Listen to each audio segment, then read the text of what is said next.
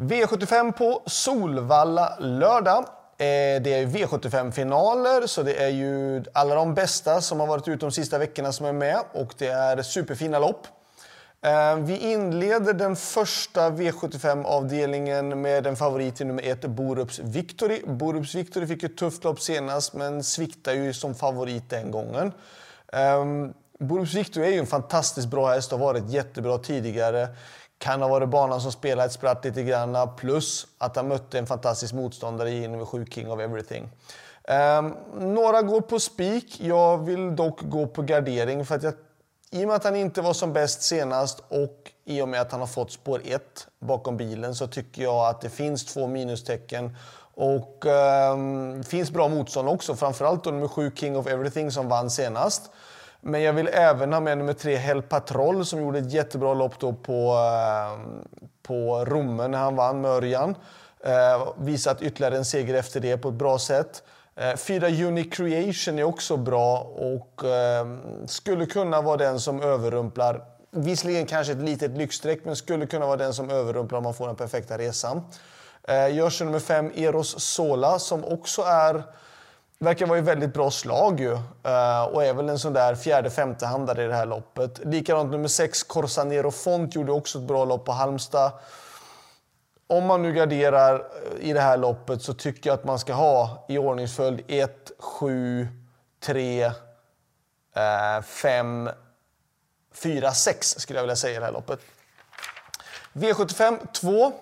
Ehm, svårt, svårt lopp att tippa tycker jag ändå för att jag är inne, först har varit inne på att nummer två, Judge D, var ju fantastiskt duktig på Halmstad och uh, har ju gått från klarhet till klarhet. Visserligen har han fått sport 12 den här gången, men jag tycker ändå att han kan vara ett bra spikförslag. Jag har stor respekt för att nummer sju, Frankie Godiva, ska gå barfota runt om och med jänkarvagn och alltihopa. Um, och det behövs för att man ska kunna slå en Judge D. Um, ehm, Ändå tycker jag man spikar 12 Judge D eller så ska man addera med 7 Frankie Godiva. Men då kan man lika gärna också ta med nummer 1 Hard Center och 5 Star Muscle också i sådana fall. Eh, då tycker jag man ska gardera på med flera hästar. Men för mig är en utgångshäst med 12 Judge D. Eh, V75 3.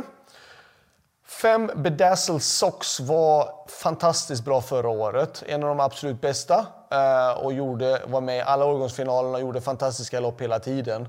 Eh, har lottats till perfekt spår 5 bakom bilen. Eh, det här är ju en årsdebut. Eh, möter bra hästar såklart i nummer 11 Tetrick Vanja, 9 Following som jag kör också en fantastisk häst. Eh, ett Antela Rogue är också bra. Men på något sätt så kändes det lite som att fem Bedazzle Sox har fått det bästa utgångsläget och är nog den som kanske mest vill vinna det här loppet. Eh, alla vill såklart vinna loppet, men jag tror ändå att Bedazzle Sox med det utgångsläget är den som har störst chans och jag tycker faktiskt att det också är den bästa spiken i omgången. 11 Tetrik Vanja är ju en fantastiskt bra häst, det vet vi om sedan han var två år. Um, har ju då inte startat uh, nästan överhuvudtaget sedan dess och kommer nu tillbaka. Galopp i debuten, det var ett minus. Spår 11, det är ett minus. Värsta motståndaren har spår 5. Det är klart att det drar ner väldigt på chanserna, men går Tetrik Vanja så bra som han var som tvååring och som han har förutspått att gå, ja då är han självklart en utmanare. Nio following är ju bra, jättebra, men årsdebut, bakspår, eh, kommer att gå med skor också med stor sannolikhet och det är klart att med skor och bakspår och inte fått något lopp i kroppen Tarzan Melanders hästar brukar oftast behöva något lopp i kroppen för att komma igång och medvetet matchning såklart emot kungapokalen kan jag tänka mig som kommer om några veckor. Ehm, ett Antila Råg är väl den som jag kan tycka är varningen i sådana fall. Ehm, spår 1, Örjan, Daniel Redén. Det är alltid farligt. Ehm, V75 4. Stått i val och kval. Ska jag spika 10 Fabulous Bellini? Eller ska jag gardera mig med 6 Athena Face? Jag har valt att gardera med 6 Athena Face. Um, jag tycker att det är ett plus på henne och ett minus på Fabulous Pellini som gjorde att jag ville dubbla. Um, Fabulous Pellini var ju utgångshäst såklart, men då står det att hon ska gå med skor runt om och hon fick stryk senast men gjorde ett jättebra lopp. Um, Örebros bana var ju lite svår såg det ut som. Hon spurtade jättebra, inte mycket att säga om det faktiskt. Um, uh, Athena Face tycker att det är intressant att hon ska gå barfota bak, springspår. Uh, var jättetapper senast, gjorde ett bra lopp då. Um, solklar motståndare. Själv kör nummer 9 Ninja Zon. Hon vann ju till exempel då senast däremot Fabulous Perini och gjorde det jättebra. Ehm, den här gången är förutsättningarna väldigt annorlunda. Hon är väl ändå allra bäst tycker jag Ninja Zon verkar att vara i alla fall. De sitter med i den främre träffen. Eh, och nu så står de med 20 meters tillägg och det är klart att det är lite svårare. Eh, så jag väljer att ta två hästar, 6 och 10 i avdelning 4. Avdelning 5. Det här är lite svårt också lopp tycker jag. Eh, fyra Chapu är väl den som kommer att spetsa och kommer att leda loppet jättelänge. Var fantastiskt duktig på Örebro. Jättebra var han och har gått bra nu under en längre tid. Dock lite tuffare motstånd den här gången. Ehm, men att han spetsar, det kommer han att göra, absolut. Ehm, dock, jag har valt att gardera. Det är inte så svårt att förstå på mig. Ehm, men jag tycker att Chapuis ska självklart med.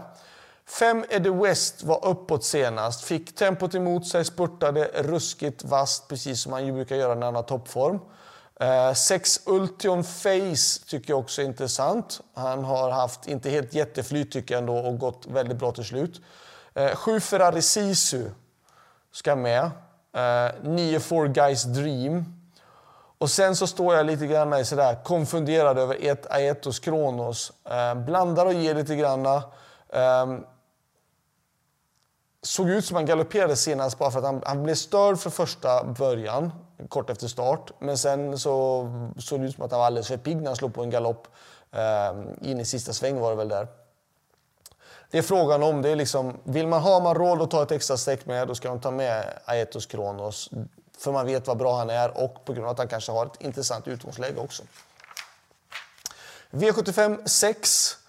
Eh, två Dynamite Sensation tror jag kommer få det perfekta loppet, tycker jag är intressant. Och det har jag, på grund av att han har fått det bra spåret så har jag valt att gardera fem Bugatti Hall med just två Dynamite Sensation. Um, Bugatti Hall har, var jättebra. Uh, ska han gå barfota runt om då kanske han är ett spikförslag. Går han med skor, ja, då tycker jag att man ska ta med två Dynamite Sensation. Um, jag tycker att den Kalle Jeppsson har visat jätteform det här meetinget. Uh, väldigt påläst. Perfekt utgångsläge. Hästen ska gå med jänkarvagn. Ja, jag tycker att det är värt att dubbla i sådana fall. Um, en häst jag vill varna för som har varit ganska hårt betrodd och haft lite, lite stolpe ut men som är en ruggigt bra häst tycker jag, nummer 9, Vincent CD. Um, ehm, om det blir nu lite körning i det här loppet på något sätt och vis så kan jag tycka att uh, Vincent CD blir lite grann bortglömd i den här omgången faktiskt. Eh, sex boll i USM är också en bra häst såklart. Eh, barfota runt om och jänkarvagn, det är klart att det är stora förändringar. Och jag kan tycka att han är väl också, precis som Vincent CD, lite grann blir bortglömda då, bakom fem Bugatti Hall. Avdelning 7, sista avdelningen, och jag kan tycka att det här faktiskt är nästan bland de finaste och intressantaste loppen faktiskt.